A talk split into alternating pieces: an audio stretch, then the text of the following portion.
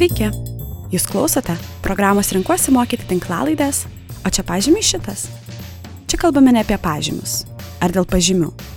Su mokytojais, švietimo ekspertais, renkuosi mokyti bendruomenę, čia kalbame apie švietimą, ugdymą, patirtis mokyklose ir ne tik. Apie vaikus, psichologiją, apie tyrimus čia ir svetur. Kviečiame pasinerti į švietimo pasaulį, kuriame yra kur kas daugiau nei vien tik pažymiai.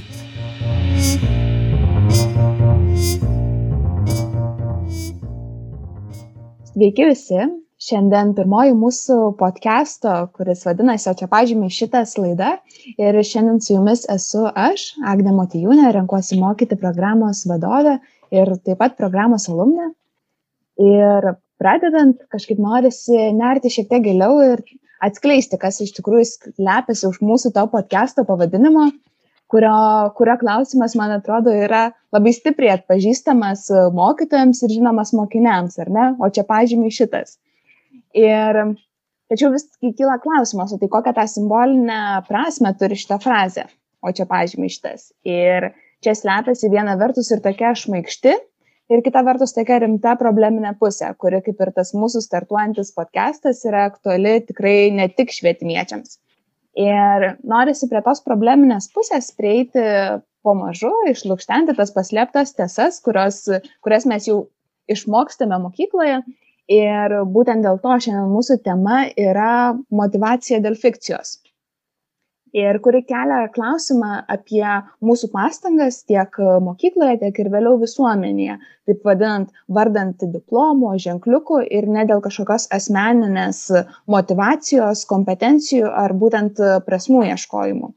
Ir labai džiaugiuosi, nes šiandien su mumis yra daktarė Eglė Pranskūnenė, mokyklų tobulinimo centro steigėja, projekto lyderių laikas koordinatorė ir ekspertė ir viena iš renkuosi mokyti programos įkūrėjų. Tai sveiki, Egle. Sveiki, Agne.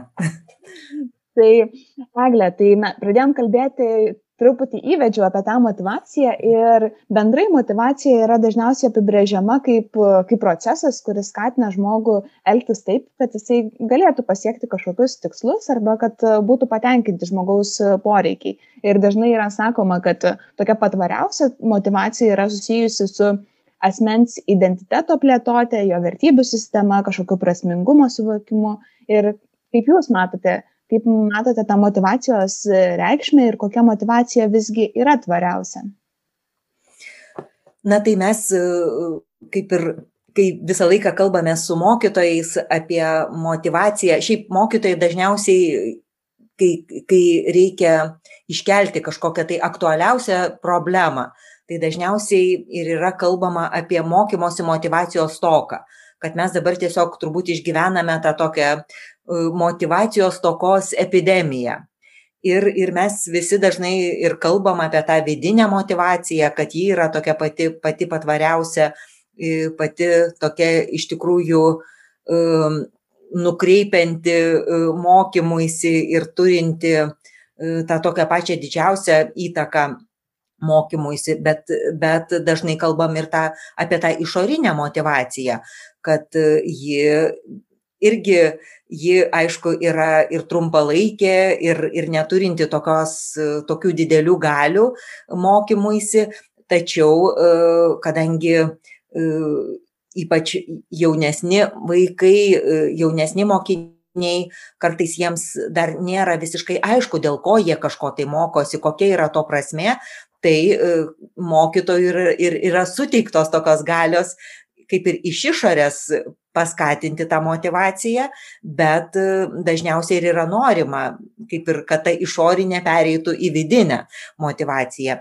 Ir čia neseniai man teko klausytis tokios suomių lektorės paskaitos apie, apie jų visą ugdymo turinio atnaujinimo e, sistemą ir jie taip pat labai daug kalba apie motivaciją, nors tai atrodo net, net keista, kad kodėl jie apie tai, apie tai kalba, nes atrodo, kad e, jau e, jie tokį pasiekė lygį, kad tikrai visi nori, mokosi labai, labai noriai ir labai įsitraukę yra į mokymasi.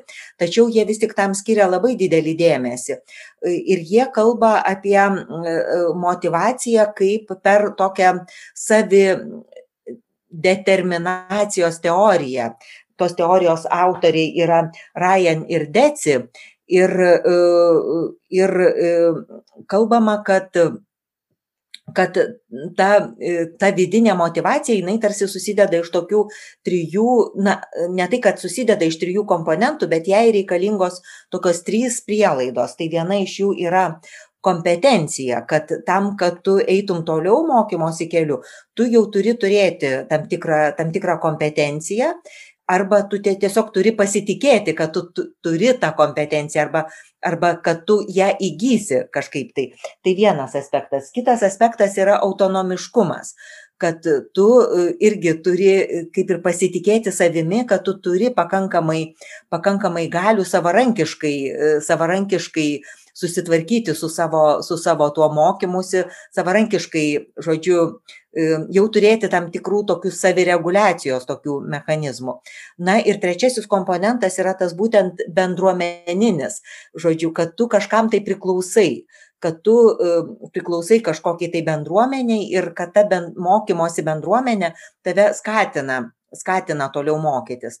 Tai, va, tai aš man, manyčiau, kad šitie trys komponentai, jie tikrai yra yra labai svarbus, kalbant apie tą jau iš išorinės motivacijos perėjimą link tos vidinės motivacijos. Ir turbūt mes kaip mokytojai, mes ir turėtume padėti mokiniams vis tik ir pasitikėti tą savo kompetenciją, nors dar tu jos neturi, dar tik eini tuo keliu, bet tu ją tikrai įgysi, tada mes turime tikrai mokyti juos būti tai savarankiškai, savivaldžiais, besimokančiaisiais ir įgyti tos autonomijos. Na ir kad mes esam kaip ta besimokanti bendruomenė kurioje mes vieni kiti kitus palaikome vieni kitais pasitikime ir stipriname vieni kitus kaip besimokančiuosius Mhm. Tai, ką Jūs pasakojat, man kažkaip labai susisieja net ir su tokia turbūt bazinė teorija, kurią išmokstam per pirmus psichologijos kursus apie Maslų motivacijos teoriją, kurioje kalbama apie tai, kad tarsi at, žmogus gali save realizuoti tik tada, kai užtikrinami kažkokie jau jo baziniai poreikiai ir ne fiziologiniai, saugumo ir panašiai. Ir tada tarsi mes, kai žiūrime vaikus ir galvom, kad tas savirealizacijos poreikis, kai jisai jau uh, siekia tam tikrų dalykų ir jo motivacija yra tokia vidinė dėl, dėl tos savirealizacijos ir dėl, dėl savirealizacijos poreikio, tai tarsi mes turim galvoti apie tai, kaip mokykloje yra užtikrinami kiti vaiko poreikiai. Ir, nu, mat, kaip Jūs manote, ar tada tai, kaip, pavyzdžiui, yra bendraujama su vaiku klasėje, uh, ar nuo to irgi priklauso mokin, motivacija mokytis ir kokią reikšmę santykis būtent mokytojo su mokiniu turi, mm, turi vaiko motivacijai.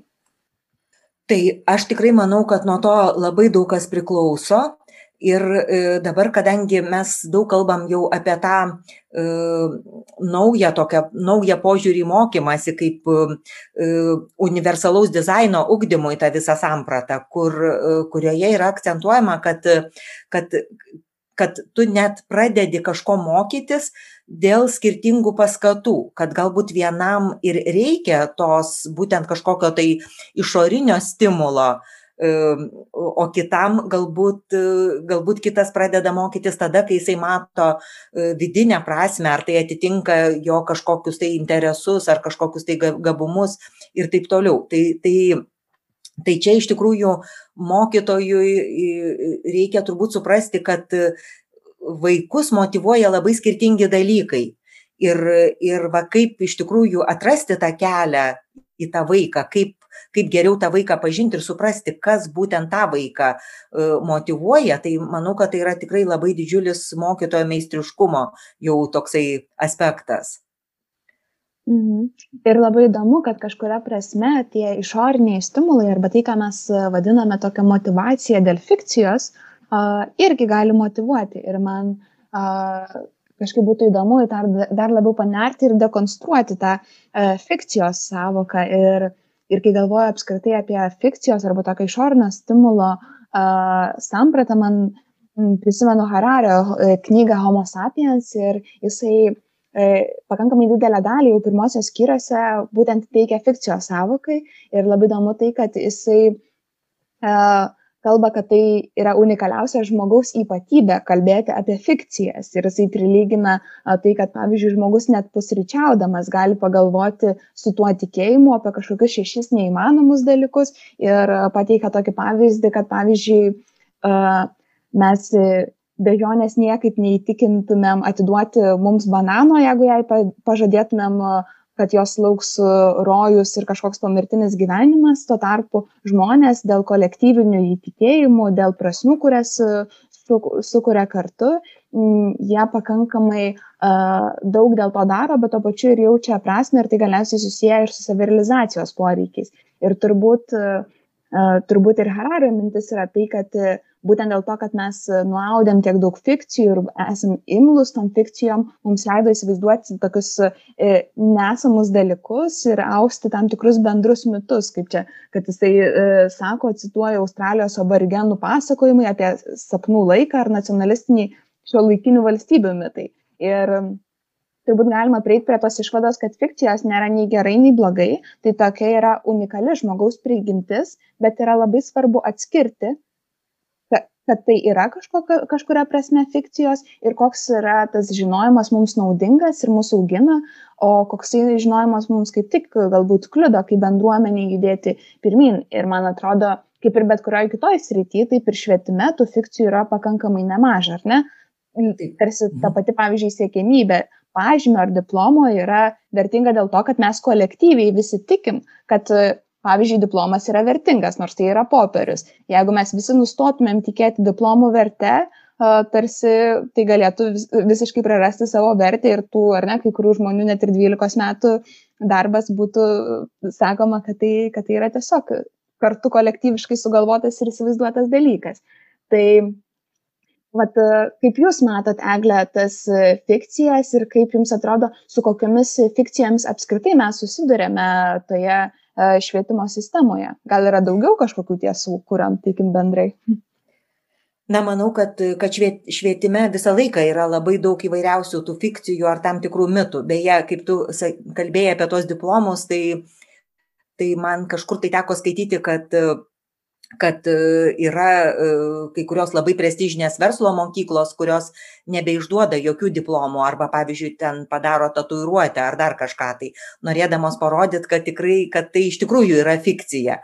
Ir dabargi žinome, kad irgi daugybė darbdavių, kad net ir, pavyzdžiui, Ernst Young, e, sakykime, nebeprašo patvirtinti savo išsilavinimo, kad daugiau žiūri tą žmogaus potencialą, jo gebėjimus, o kad tie turimi diplomai visiškai nepatvirtina tavo, tavo kažkokių tai gebėjimų, kad tai yra tam tikra, tam tikra fikcija. E, bet aš manau, kad yra ir kitos tos fikcijos. Sakykime, man atrodo labai yra gaji fikcija, kurią mes dažnai girdime iš mokytojų, kad tam tikri vaikai yra nemokytini, ar ne, kad pasižiūrėkite, koksai jų genofondas, ar ne, kad, kad yra tam tikri vaikai, kurių tarsi net neverta mokytis, neverta dėl jų stengtis, nes, nes jie tarsi, tarsi vis tiek čia nieko, nieko iš jų nebus, tai čia nėra jokios jų mokymo netgi, netgi prasmės. Ir yra netgi tokia savoka kaip skurdo pedagogika, kai, kai uh, mokytojai iš tikrųjų daug mažiau stengiasi dėl, dėl tų vaikų, kurie ir, ir namuose turi mažesnės tas uh, ugdymosi galimybės. Dar turbūt yra kitos fikcijos susijusios su, mm, su sakykime, su tuo tarsi ugdymo rezultatu. Sakykime, neseniai buvo įvestas matematikos egzaminas, ar ne, kuris yra būtinas stojant į, į aukštąją mokyklą, į, į valstybės finansuojamą vietą. Ir tarsi norima tuo pasakyti, kad, kad būtina tas matematinis neaišku, ar tas išsilavinimas matematinis, ar vis tik tas pažymys tam tikras yra, yra reikalingas, kad jisai tarsi ir, ir tie, kurie stoja net ir humanitarinius ar socialinius mokslus, kad jiems ta matematika yra, yra būtina dėl kažkokių priežasčių.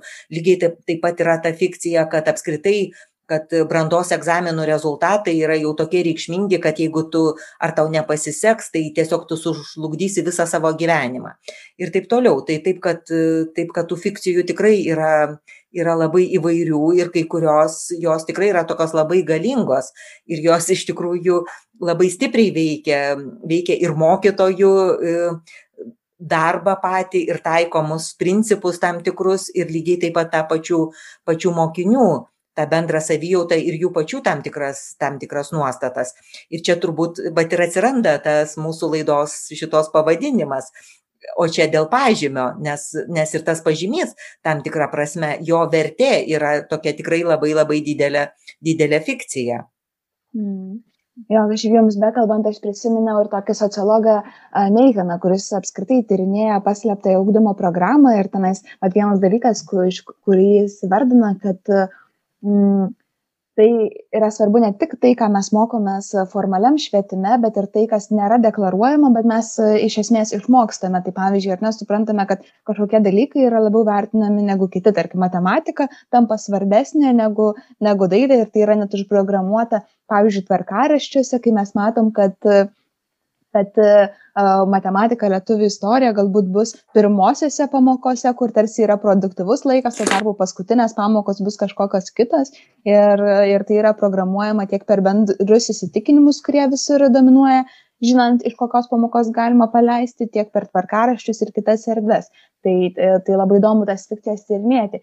Ir bet turbūt labiausiai mane kažkaip tais pagauna, turbūt ir dėl to, kad tai surinkuosi mokyti viziją artimiausią, nes tai kalba apie kiekvieno vaiko galimybės, tai ką jūs minėjote apie apie tos, tos įsitikinimus, ar ne, kad neverta dėl kažkokių vaikų stengti, stengtis ir jų mokyti.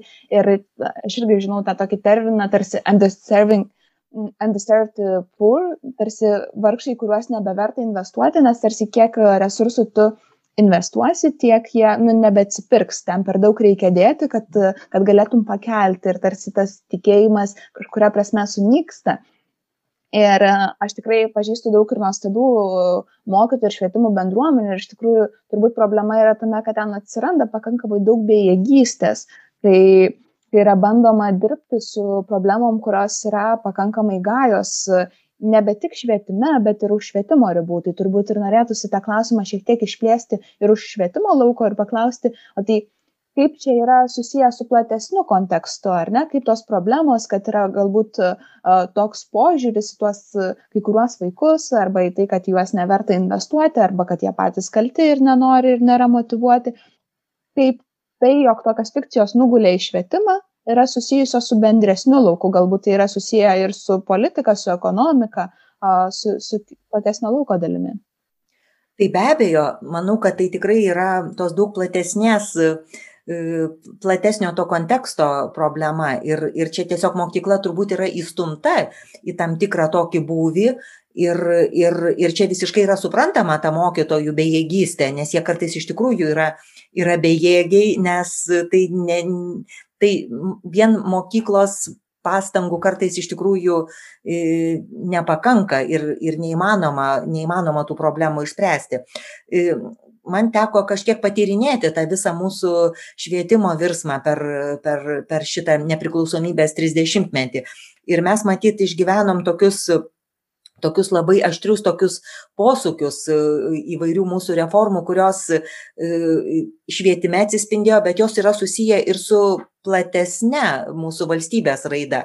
Vis tik mes turbūt pasukom to tokiu neoliberaliuoju keliu ir kur vis tik yra labai stipriai iškeliami tie ekonominiai interesai ir, ir labai dažnai ir patį švietimą žiūrima taip labai instrumentiškai, ką jis gali duoti, kad tam, kad mes būtume labiau konkurencingi ir taip toliau. Ir matyt, va tai ir, ir, ir, ir žmogų pradedama žiūrėti kaip į tokį hom, homo ekonomikus, ar ne, kaip į kažkokį tai tik tai, tik tai kažkokią tai tokią, na, kaip ekonominį tokį vienetą, ekonominį veikėją ir jeigu jis nėra pakankamai našus, tai, tai jis tarsi ir nebė, nėra reikalingas ir tada neverta net į jį ir investuoti.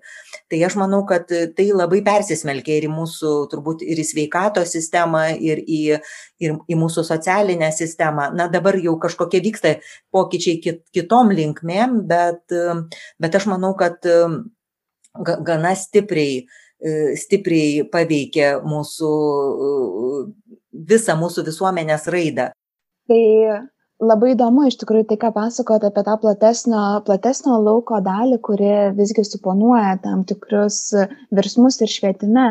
Ir turbūt įdomu būtų dar pasigilinti į tai, kodėl būtent tas ekonomistinis arba neoliberalus mąstymas, kuris, aišku, irgi yra labai kompleksiškas ir dėl jo mokslininkai labai diskutuoja, bet kodėl tai nėra visgi tinkama forma švietime, nes galbūt kažkas sakytų ir galvotų, jog švietime reikalingos šitokio mąstymo idėjos ir turbūt, kaip jūs sakot, kad dalyvavot Lietuvos švietime ilgu, tame ilgame laikotarpyje, tai turbūt buvo laikotarpis, kai daug kas tikėjo, kad tokios idėjos atneš daug naudos ir efektyvumo švietimui. Tai kur yra tos paslėptos, tie paslėpti iššūkiai būtent tokių idėjų? na kadangi po nepriklausomybės Lietuva atsivėrė pasauliui, mes labai daug mokėmės iš, iš kitų šalių patirčių ir, ir daug tokių grinai neoliberalistinių švietimo idėjų mums atrodė labai progresyvios.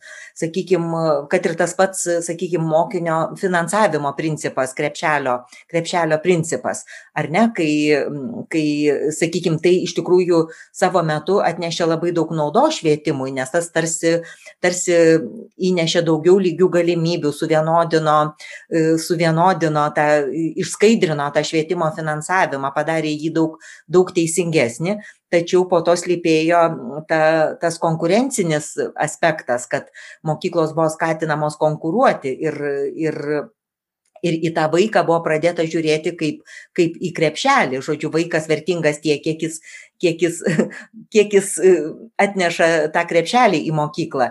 Ir kitą kartą e, mokyklos e, pradėdavo tiesiog labai imtis visokių net nelabai švarių žaidimų, konkuruodamos dėl vaikų ir bandydamos tos vaikus paveršti.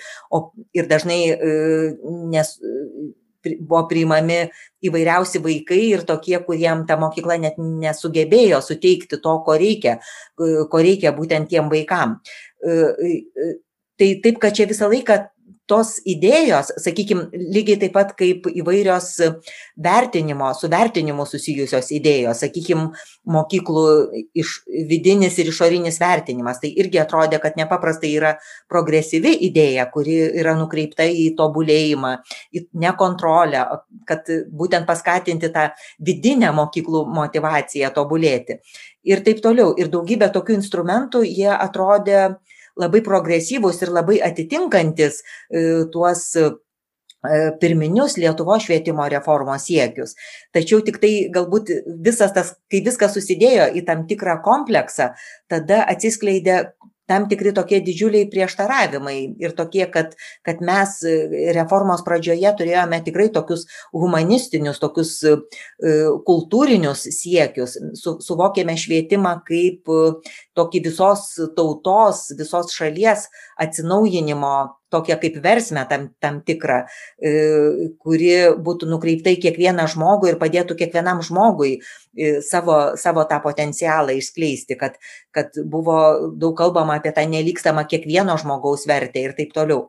Tačiau vėliau mes nukrypame, žodžiu, tie e, tokie tam tikri grinai neoliberaliaja prieiga grindžiami instrumentai, kuriuos mes įdėgėme į savo švietimą, jie sukėlė tokius didžiulius, didžiulius prieštar, prieštaravimus ir tokius prieštaringumus. Ir tarsi juk irgi, jeigu mes paskaitysime daugelį mūsų dokumentų, tai tarsi kai kuriuose iš jų yra išlikę dar tie sakykim ar geros mokyklos koncepcijoje ar ar sakykim bendrosiose programose tai irgi kalbame apie tą visuminį požiūrį į kiekvieną žmogų apie irgi tą žmogaus nelygstamą vertę ir taip toliau. Tačiau e, kiti e, daug kitų instrumentų ir finansavimo ir apskritai daug vadybinių įvairių instrumentų jie tarsi jie tarsi veikia visiškai priešingai. Ir tada va dažnai ir pati mokykla yra įstumia įstumiama į tam tikrą tokį kaip mes sakome tokią šizofrenišką būvį dėl to kad tu tarsi turi daly daryti tokius dalykus kurie tarpusavyje yra vis visiškai nesuderinami. Sakykim kad ir e, dabar pastarųjų metų sakykim įvykiai irgi daug kalbama kad reikia kuo daugiau pagalbos teikti mokiniam. Tačiau tuo pačiu metu yra mažinamas finansavimas pagalbai ir mokykla neturi e, galimybių kaip tą tą pagalbą teikti. Ir tada tiesiog, tada tiesiog e, švietimo bendruomenė pradeda visiškai nebepasitikėti ta švietimo politika ir tada devalvuojama. Tos visos deklaracijos, tie gražūs siekiai, jie visiškai devalvuojami ir jie tiesiog žmonės praranda tikėjimą jais nes nes jie realiai neturi jokių įrankių jokių svertų kaip kaip tai įgyvendinti nors ir turėtų pačius tuos geriausius net ir turėdami tuos pačius geriausius ketinimus Mhm. Labai įdomu taip skamba, kad e, kai mes e, numatom, jog pirmiausia sutarėm dėl švietimo tikslo, kuris e, orientuotas į, į, į kiekvieną jau ūkti, į įtraukti, ar net tuomet tos priemonės, kurias mums galbūt siūlo tam tikros institucijos ar ta pati technokratija, kurios tikslas dažniau galbūt nukreiptas į, į ekonominį augimą ar ne, ar į finansinius kažkokius dalykus, nebetinka, tačiau mes tarsi paėmam ir perim, perimam juos, tikėdami, jog jog jie jiems ir suveiks. Ir turbūt reikia didelio kritinio mąstymo, reflektavimo ir daug diskusijų, kad suprasti ir organizuoti tą, kaip sakot, vieną liniją, kad mums nekiltų visiems šizofrenijos, kuri iš esmės kelia daug nepasitikėjimo, o kaip vienas turbūt mūsų pamoktų, ant kurių galim stovėti švietime, tai yra pasitikėjimas ir tikėjimas, kad mes visi einam bendra linkme ir sutarėm dėl dalykų, sutarėm dėl švietimo tikslo, sutarėm dėl priemonių, kuriamis, kuriamis galime to tikslo siekti visi kartu. Tai, tai turbūt tas yra labai labai svarbu ir e, kažkaip irgi galvojant e, apie tai kur kur dabar švietimas juda nes e, tie klausimai tampa svarbūs aš neseniai skaičiau išleistą ramutės brazgelevičienės leidinį apie ugdymo turinio kūrimą mokyklos lygmeniu ir ramutė irgi kviečia diskusijai ir kelia tokius klausimus kuria linkme apskritai judės ugdymo turinys, kas švietime mums svarbu. Tai pavyzdžiui, ar ne, ar tos dalykinės kompetencijos, kurios galbūt ir labai lengvai yra vertinamos to pačiu pažymiu, apie kurį mes šiandien kalbam, o gal mums kaip tik svarbesnė yra tas asmenybės suktis, kuriai reikia daug jautresnio tokio grįžtamojo ryšio. Ir kyla labai daug diskusijų apie, pavyzdžiui, antropoceno geologinę epochą, tai yra apie žmogaus veiklos įtakos žemėj mastą ir tos problematikos įtraukimą į mokymosi erdves. Tad vat, aš ir svarstau, gal šiek tiek praplėstumėt tas, minti, tas ramutės mintis ir tą žmogaus veiklos įtakos žemėj mastą, kaip jisai gali būti įtraukiamas į, į mokymosi programą tai daugelyje pasaulio šalių dabar jau ne tik dabar jau čia viskas prasidėjo gerokai seniau bet bet e, iškeliama į kaip ir tą prioritetas teikiamas vis tik tom bendrosiom kompetencijom. Jos įvairiai vadinamos įvairiose šalyse bet bet e, akcentuojamas tas e, būtent kad kad mokyklos paskirtis yra ne tiek suteikti tam tikrą akademinių žinių bagažą, kiek, e, kiek vis tik orientuotis į tą žmogų kaip visumą ir išugdyti tas tokias bendrasias perkeliamasias transversinės na žodžiu jos tikrai vadinamos labai labai labai labai įvairiai. Bet tai reikalauja tokių kelių dalykų visų pirma, tai yra ir turinio prasme, žodžiu, reiškia, tas ir turinys turi būti, turi būti kitoks. Nors įrankis, kaip tas kompetencijas ugdyti, yra mokomieji dalykai, tie mūsų tradiciniai mokomieji dalykai.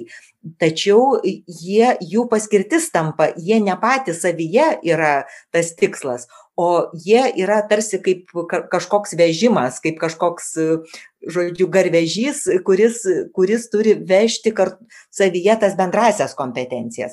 Ir tai yra tikrai labai toksai sudėtingas uždavinys ir daugelis šalių, daugelį, daugelie šalių yra ieškoma būdų, kaip tą, kaip tą realiai padaryti. Ir tuo labiau, vat, tai, ką tu kalbi, dar atsižvelgiant ir į tą apskritai pasaulio situaciją, kurioje, kurioje mes esame. Todėl, kad, sakykime, netaip seniai UNESCO paskelbė tokį disk, diskusijoms skirtą dokumentą, kur vat, kaip tik svarsto tos antropoceno tavo iškeltus taip pat klausimus. Ir, sakykime, jame yra tiesiog metami kaltinimai švietimui, kad, kad likščiolinis švietimas, likščiolinė mokykla tarnavo būtent tam ekonomistiniam požiūriui ir visiškai neprisidėjo prie e, pasaulio išsaugojimo, kad mokykla buvo tiesiog kaip įrankis tom, tom va, tokiom pasaulį naikinančiam idėjoms kleistis. Tai, tai tikrai be galo radikalus, radikalus toksai pareiškimas. Gal e, tikrai, na, manau, kad aš bent pati tai tikrai nesu su tuo gal tikrai nesutinku, e, kad, kad taip mokykla veikia, galbūt apskritai visa žmonija aišku mokykla yra tam tikras ir atspindys e, tų visų procesų kurie vyksta vyksta mokykloje bet bet aš manau kad mokykla kaip tik labai daug dėmesio skyrė ir lietuvoj ir kitose šalyse būtent tam tokiam ir ekologiniam požiūriui į pasaulį ir taip toliau. Ir čia tikrai mo negali mokykla išspręsti žodžiu to tų sav saviniekos savigriovos procesų kuriuos e, skatina ten sakykim kažkokios tai korporacijos ar taip toliau. E, bet dar vienas labai svarbus dalykas vat irgi vis miniu tą e, suomijos pavyzdį nes tenka dabar daug mokytis ir ir ir ir analizuoti jų patirtį susijusią su va būtent tų bendrųjų kompetencijų įgyvendinimu. Sakykim tai tai jie sako kad tai yra ne tik paties turinio kaip ir klausimas. Tai yra apskritai visuminis mokyklos virsmas. Jeigu mes norime, kad mokykla labiau orientuotųsi į va būtent tokius tuos bendruosius tuos dalykus, nukryptų nuo tos dalykinės sistemos, išimtų tą dalyką, mokomą į dalyką iš e, mokyklos centro, tai reiškia, tai reiškia labai labai didžiulį virsmą ir tokį visos mokyklos kultūros virsmą ir paties mokymo proceso virsmą ir, sakykime, ir, ir, ir dėl to ieškoma, kaip, kaip kokiu būdu tą galima būtų, būtų padaryti. Ir, ir va čia va ateina tas klausimas, kurį ir tu keli, o kaip mes, kaip mes galėtume tai ir mokyti to ir kaip mes galėtume tai vertinti, ir ir čia e, tu ir kėlei tą klausimą ar ar mes galime kažkaip tai objektyviai įvertinti tam tikras nuostatas sakykim e, sakykim ar kažkokias ekologinį kažkokį tai požiūrį ar dar kitas nuostatas. Ir pavyzdžiui tie patys suomiai jie turi tokį principą kad e, mokytojai negali vertinti nuostatų mokinių nuostatų turimų dėl to kad tos nuostatos jos yra ugdomos jos yra plėtojamos bet jos negali tapti vat to įvertinimo kažkokiu pažymiu ar kažkokiu tai žodžiu jos gali būti diskutuoj apie jas gali būti diskutuojama e, bet bet jos nėra va taip objektyviai pas pasveriamos ir įvertinamos. Ir dėl to, e, kodėl yra gana daug priešininkų tokios orientacijos į bendrasias kompetencijas, nes būtent dėl to, kad norima to labai objektivaus pasvėrimo, ko vis tik mes išmokome kaip tą galima įvertinti kaip būtų galima palyginti kas čia geresnis kas čia stipresnis. Ir o va būtent kai kalbam apie tas bendrąsias kompetencijas tai jų neįmanoma taip objektyviai įvertinti dėl to kad jos apima ne tik tam tikras žinias ir ir gebėjimus kuriuos tu gali dar kažkaip tai pamatuoti bet jos apima ir tas turimas nuostatas ir tam tikrą motyvaciją ir tam tikrą valią ir daugybę daugybę kitų aspektų kurie nėra e, nėra taip tokiu būdu įvertinami tai čia iš tikrųjų iš tikrųjų čia dar vis turbūt visi visos šalys dar ieško ieško šitų sprendimų ir ir jie yra tokie tikrai pakankamai kompleksiški ir ir sudėtingi mm. Taip tikrai galvoju, kad grįžus namo tėvams pasakyti, kad gavau dviejatą, nes man nerūpi klimato kaita, tai būtų labai įdomus naujų, naujų dienų ir aktualiai švietime skambesys. Tai turbūt tas vertinimas tampa įdomu tokiu iššūkiu ir kažkaip man čia skamba, teko kažkada rašyti tokį vertinimo aprašą, dar kai mokyklai dirbau ir mm, ten buvo aišku daug tų puslapių iš ko susidėjo bet turbūt pagrindinė mintis gali būti apibendrinama tokiais trim žodžiais kurias kurias tenais aprašiau kad vertinimo tikslas ugdyti. Tai mes vertinam tik tam kad ugdytumėm kad suteiktumėm grįžtamąjį ryšį ir augintumėm. Visas kitas vertinimas kuris yra skirtas nubausti nors tai jau nebėra kaip ir legalu mokykloje ar ne mes ne, negalime elgesio vertinti pažymiais bet vertinimas kuris neugdo nėra tikslingas ir tada truputį pras, pasikeičia tas mąstymo kampas, kaip, kaip mes tą matom. Taip, ir apskritai tas vertinimo klausimas, jis turbūt iš vis yra, yra esminis, dėl to, kad, dėl to, kad vis tik, kaip dažnai ir sakoma, kad tai ką mes vertiname mes ir parodome kas mums yra iš tikrųjų vertinga. Ar ne? Jeigu mes va taip sureikšminame egzaminus tai mes ir parodome. Ir tai ką tie egzaminai vertina tai mes ir parodome kas mums yra vertinga. Ir dabar e, apie vertinimą išskiriami tokie trys vertinimo aspektai. Tai mokymosi vertinimas tai vadinasi mes įvertiname kažkokį mokymosi rezultatą. Toliau e, vertinimas mokymuisi tai mes įvertiname kaip sekasi mokytis žodžiu kaip kur tu esi tame mokymosi kelyje kokios tau galbūt reikia pagalbos kur tu gali gali patobulėti ir tre ir trečiasis aspektas yra mokymasis kaip vertinimas arba vertinimas kaip mokymasis. Ir čia eina kalba apie tą meta mokymasi, kad vat, per tą vertinimą kaip mokymasi mes kalbame mes padedame mokiniams geriau suprasti kaip jie mokosi. Žodžiu tas meta mokymasis yra jau išvis analizavimas paties mokymosi proceso. Ne tiek to rezultato bet kaip aš mokausi kokios gal mokymosi strategijos man labiausiai tinka kas man yra ką man lengva yra išmokti ką man sunku yra išmokti kokiu būdu e, aš geriausiai mokausi ir taip toliau. Ir aš manau kad vat mes kaip mokytojai turėtume įvaldyti visus šituos tris nes dominuoja paprastai tas mokymosi vertinimo aspektas arba to apibendrinamojo vertinimo aspektas kai aš tarsi e, diagnozuoju bet kad tu dabar va taip va tokia yra sa tavo situacija su tavo mokymusi bet va tie kiti du i aspektai jie dar tikrai galėtų būti daug dažniau e, praktikuojami mokytojo darbe ir tai tikrai labai padėtų ir kalbant apie tą vidinę motyvaciją aš manau kad jie tikrai labai prisidėtų prie tos vidinės motyvacijos au auginimo.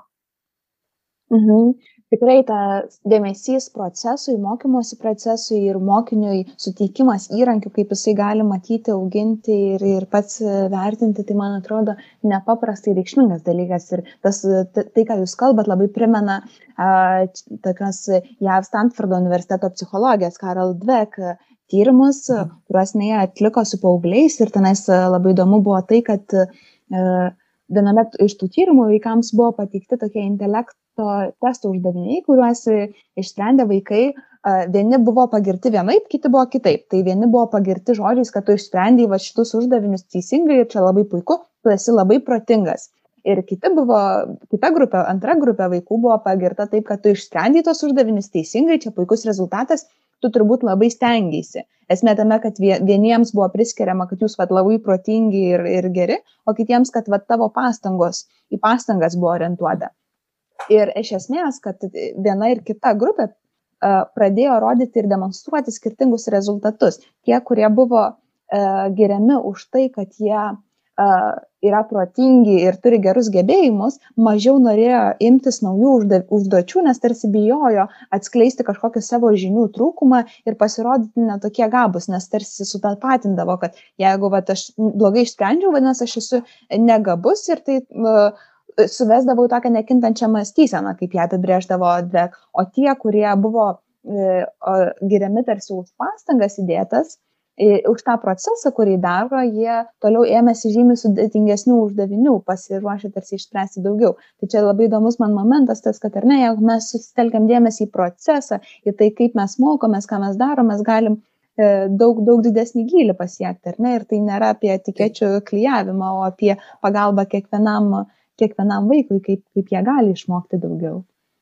Mm. Taip, man irgi teko skaityti Carol Dweck keletą straipsnių ir, ir jie iš tikrųjų tą pabrėžia, kad, kad tie, kur yra tos sustabarėjusio, ar kaip ten mes pavadinsime to mąstymo, mąstymo mokiniai, tai jiem tiesiog patinka būti, žodžiu, gerais tais mokiniais.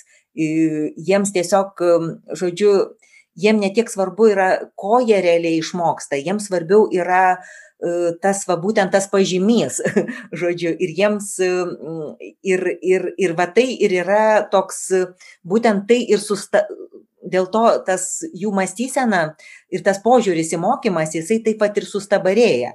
Dėl to, kad jiems tiesiog gera, e, jie gerai jaučiasi tada, kai jie yra geriami, ir jie tiesiog tada ir to siekia. Tiesiog būti pagirti už, už va, tą pažymį, už tą, tą kažkokį tai tokį pasiekimą ir jiem tada netaip svarbu yra tas realus jų mokymosi įvertinimas. Žodžiu, va, jiems tada, jiems ir tai reikia to mokymosi įvertinimo, o ne tų kitų dviejų mokymosi, mokymosi tų, tų rūšių. Ir, ir, ir čia iš tikrųjų mokytojo uždavinys yra tikrai pakankamai sunkus, kaip, kaip perversti, žodžiu, va to tokių mokinių tą mąstyseną į tą į augi, augimą skatinančią mąstyseną. Ir, ir, ir čia matyt, matyt vat irgi kokias tas vertinimo strategijas mes, mes taikome. Uh, nes jeigu mes tiktai vis tik taikome tas vienodas tas vertinimo strategijas, kurios akcentuoja tik tai, žodžiu, tarsi pagiria mokinį už tą jau jo pasiektą tą galutinį rezultatą ir akcentuojam, kad tą pažymį tai tada tai tada labai sunku irgi perorientuoti į tą būtent tą augimo augimo mąstyseną. O tai augimo mąstysenai tie kurie jau ją turi bet turbūt ji taip iš karto ir neatsiranda. Aš manau kad ją reikia tikrai išsiugdyti. Ir aš manau kad turbūt ne visi ir suaugę žmonės būtent tokią tokią tą mąstyseną yra yra išsiugdę. Todėl kad nu kam čia labai patinka toksai tikrai sąžiningas grįžtamasis ryšys ar kažkokia kritika ar ne tai kartais mes irgi užsiblokuojam ir visiškai nenorim e, to girdėti. Mum ir patinka save matyti tokį žodžiu kažkokį tai na vis gražų tokį ir ir labai labai daug daug pasiekusį tai bet vat per tą galbūt tuos kitokius vertinimo būdus ir tą dažną kalbėjimąsi su mokiniais apie tai, kaip, kaip vyksta tas jų mokymasis, kas vyksta jų galvoje. Ir net e, aš kaž, skaičiau, kad ta Carol Dweck sukūrė e, kažkokią tai kompiuterinę programą mokiniam, kuri parodo, kas vyksta jų smegenyse, kaip jie, kaip jie mokosi. Va būtent, nes jos mintis tai ir yra, kad kad, kad mokiniams reikia kuo daugiau e, aiškinti apie tą patį, kaip vyksta tas mokymasis, kad jie geriau suprastų ir kad jie išsiugdytų tą būtent į augimą orientuotą tą mąstyseną. Hmm. Reglė, aš dabar jūsų dar klausau ir galvoju. Uh, ir prisimenu tuo pačiu ir pati, kai buvau mokytoja ir uh, susitapatinau turbūt su, su mokytais, kurie galbūt dabar gali mūsų klausyti. Ir tada galvoti, tai kiek čia daug atsakomybės, ar ne, tenka švietimo bendruomeniai ir užtikrinti, kad e, vaikas augdytųsi tą augimo mąstyseną ir atrasti jo potencialą ir galvoti, kaip mes giriam vaikus ir galvoti apie vertinimo sistemą ir atsakomybę už klimato kaitą. Ir dar yra vaikų, kurie patiria didelę socialinę atskirtį ir jų reikia nenuvertinti ir įtraukti. Ir ar ne, yra kažkokie nauji besikeičiantis ugdymo turinio dalykai, tai taip atrodo, kad uh, labai labai dideli uždaviniai, kurias reikia švietimo bendruomenėje atlikti ir dar, ir dar šalia to turbūt e, nemažas skamba kur nors kritikos ir sakymo, kad nu, vat, švietime tai, tai čia yra daug iššūkių ir dar yra kažkokių tai skaltinimų. Tai man norisi atstatyti tą, tą reputaciją švietimiečių, parodant vieną vertus, tai su kokiais dideliais iššūkiais jie susiduria, kita vertus parodyti, kad, va, kaip jūs kaip ir skambėjo, ar ne, sako, mokykla tarsi yra atspindys įvairios visuomenėje vykstančios situacijos. Ir dažnai jinai yra toks atspindys, kuris, mano nuomonė, amortizuoja dalykus, ar ne, mes kalbame, yra, aišku, įvairiausių teorijų, yra teorijų, kad tarsi švietimo sistema reprodukuoja tam tikrą socialinę neligybę, bet aš kažkaip linkus galvoti apie tai, kad jinai amortizuoja tos skirtumus ir pavyzdžiui mes matom per karantiną, kad je, kai mes mokyklos faktorių išimam, tai mes tarsi tą socialinę neligybę ir atskirti dar tik tais išplečiam, nes nu, kai iškrenta tie veiksmai, kurie užtikrina lygesnės galimybės ir įtraukia kiekvieną vaiką, užtikrina reikiamą pagalbą, atpažįsta poreikius, tai mes susidurėm su dar didesniais iššūkiais. Tai, tai norisi kažkaip tais uh, suteikti ir to optimizmo klausantiems mokytojams ir, nežinau, viena vertus padėkoti, kokį didelį darbą ir dar krūvį jie atlaiko, kita vertus, uh, kita vertus suteikti tokias vilties ir tikėjimo, kad, kad mes kartu kaip švietimo bendruomenė galim. Tai aš manau, kad mes tikrai galim ir mes daug darom. Ir mes galbūt, galbūt per retai pas, ne tai, kad pasidžiaugiam, čia net turbūt nereikia kažkokiu tai tokių, žinot, tokių šventinių fejerverkų kažkokių. Tai man atrodo, e, man atrodo, turbūt mums kaip mokytojams tiesiog reikia tokio didesnio supratimo, e, va, būtent kas yra toje juodojoje dėžėje, ar ne, kaip, kaip tas pats mokymasis vyksta ir koks yra tas mokytojo vaidmuo, žodžiu, kaip, kaip ugdomas tas savivaldus kiekvieno mokinio mokymasis. Bet pirmiausia, man atrodo, labai mums reikia patiems kaip mokytojams būti solidariems.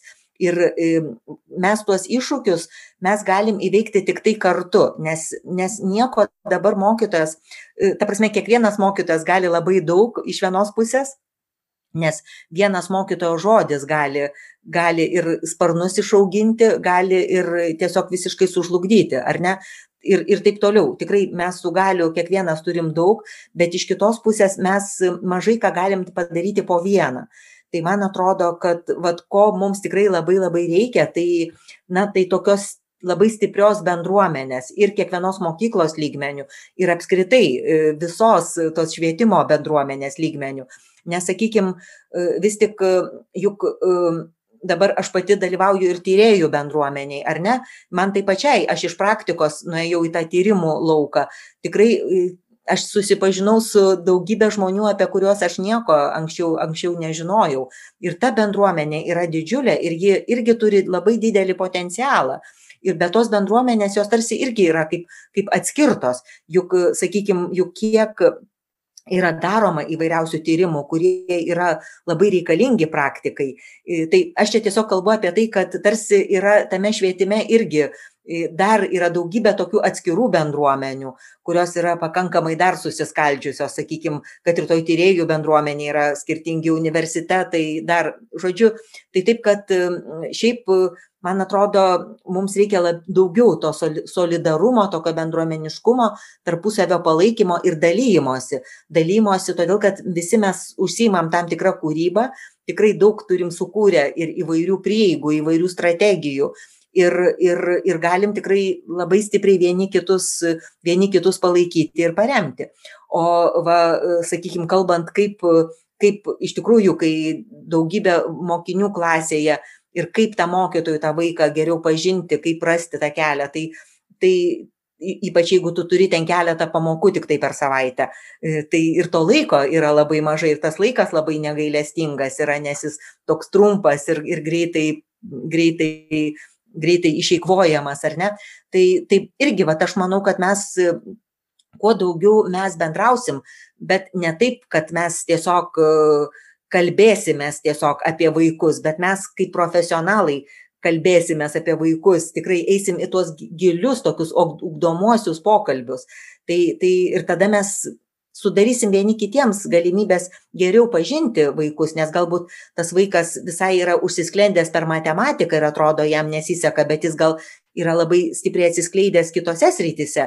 Ir jeigu mes daugiau žinosim apie tą vaiką, tai mes daugiau ir galėsim jam rasti galbūt tinkamą kažkokią tai strategiją ir taip toliau. Tai, tai man, aš tai labai tikiu va tą būtent tokią bendrystės, to solidarumo tokia, tokia jėga. Ir aš manau, kad kuo, kuo daugiau jo bus mūsų bendruomeniai, tai tuo mes būsim stipresni. Labai gražios mintis ir turbūt net tokios tinkančios viso ko suvedimui, kas čia šiandien įvyko, ar ne, mes kalbėjom apie labai daug tokių skirtingų temų, ar ne, kalbėjom a, apie motivaciją, tiek išorinę, tiek vidinę, apie tą fikcijų supratimą ir reflektavimą, kas turbūt irgi susiveda į tą bendruomenę. Ar ne, aš negaliu sugalvoti vienas, kad kažkokia fikcija nėra tiesa. Aš turiu kviesti bendruomenę į diskusiją ir reflektuoti ir sakyti, kas, kokie mūsų bendri kolektyviniai įsitikinimai mums padeda, o kokie kaip tik veda ne tą kryptimį, kurią mes norėtumėm, ar ne? Ir tai yra toks turbūt atsakymas.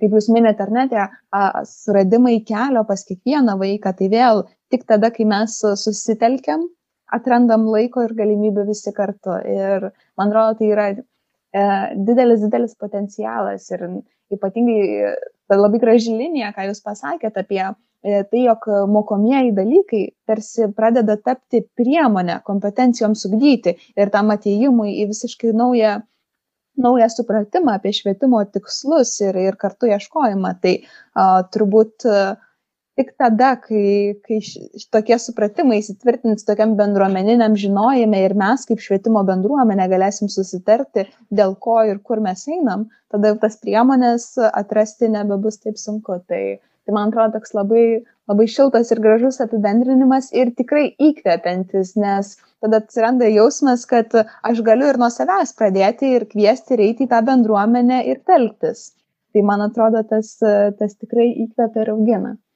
Tai turbūt taip jau judant link ir uždarimo mūsų šiandienos pokalbio ir, ir diskusijos, dar, dar galiu paklausti, galbūt aš kažko nepaklausiu, ar jūs kažko norėtumėte pridėti paskutiniam tokiam žodžiai.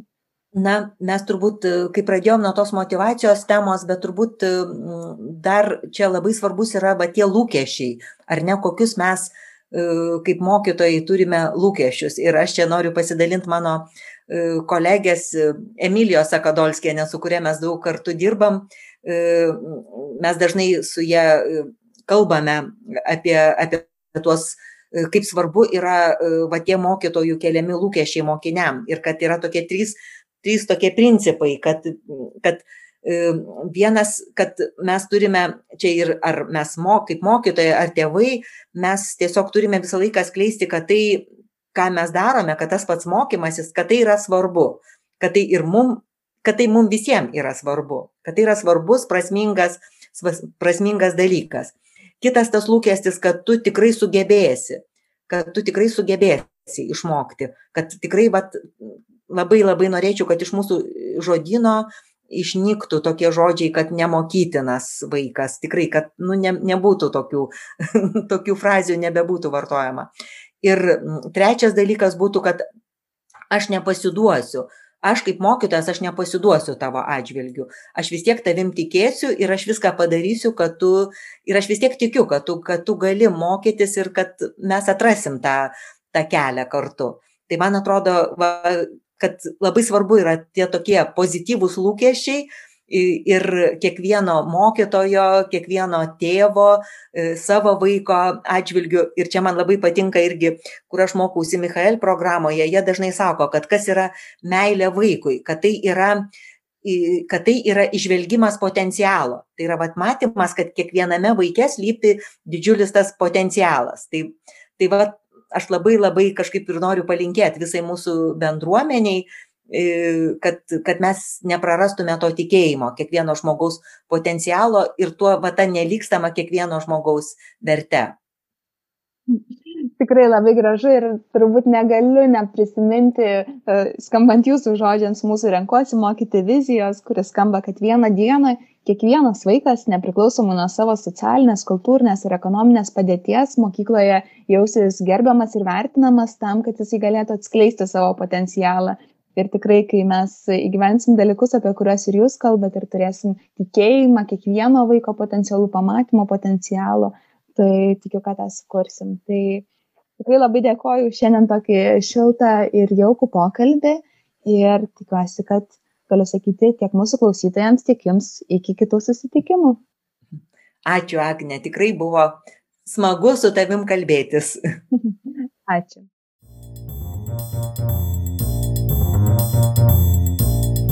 Ačiū, kad klausėte. Tikimės, kad praleistas laikas kartu jums buvo naudingas ir įdomus. Norime tobulėti ir atrasti tai, kas aktualiausia jums, mūsų klausytojai. Jei turite pastebėjimų ar idėjų pokalbių temams, rašykite mums elektroniniu paštu info etarenkuosimokyti.lt. O mūsų naujas tinklalaidas pasirodys kas dvi savaitės ir jas galėsite rasti Spotify platformoje. Taip pat kviečiame susipažinti su programa Renkuosi mokyti ir pasiekti ją Facebook ir Instagram socialiniuose tinkluose. Beje, Šiuo metu vyksta ir naujos Renkuosi mokyti kartos atranka. Ir kviečiame prisijungti visus, kurie yra neabejingi švietimui ir mūsų vaikų ateičiai. Jeigu norite tapti mūsų bendruomenės dalimi, kviečiame užpildyti kandidato anketą. Ją rasite internetinėje svetainėje www.renkuosimokyti.lt. O kol kas, iki kitų susitikimų.